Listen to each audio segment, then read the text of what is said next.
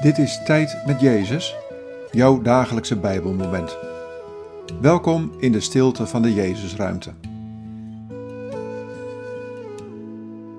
Vandaag luisteren we naar dit Bijbelwoord, Psalm 47, vers 9. God heerst als koning over de volken. God zetelt op zijn heilige troon. Wat valt je op aan deze woorden? Wat raakt je? God heerst als koning over de volken. God zetelt op zijn heilige troon.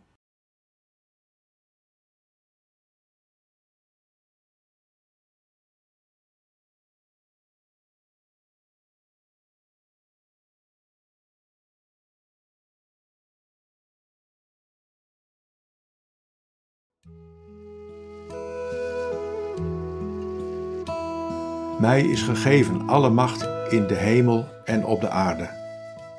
Ik ben koning van de wereld en alles is in mijn hand. Ook als je het gevoel hebt dat het anders is, weet dat ik regeer en dat ik bij de wereld ben en blijf. Ja, ik ben met jullie alle dagen, tot aan de voltooiing van deze wereld.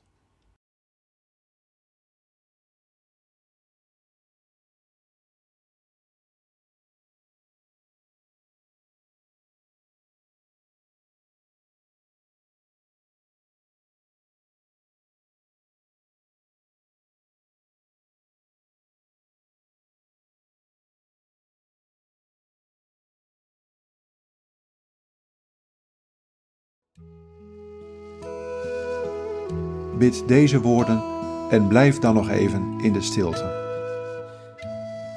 Heer Jezus, dank u dat u regeert.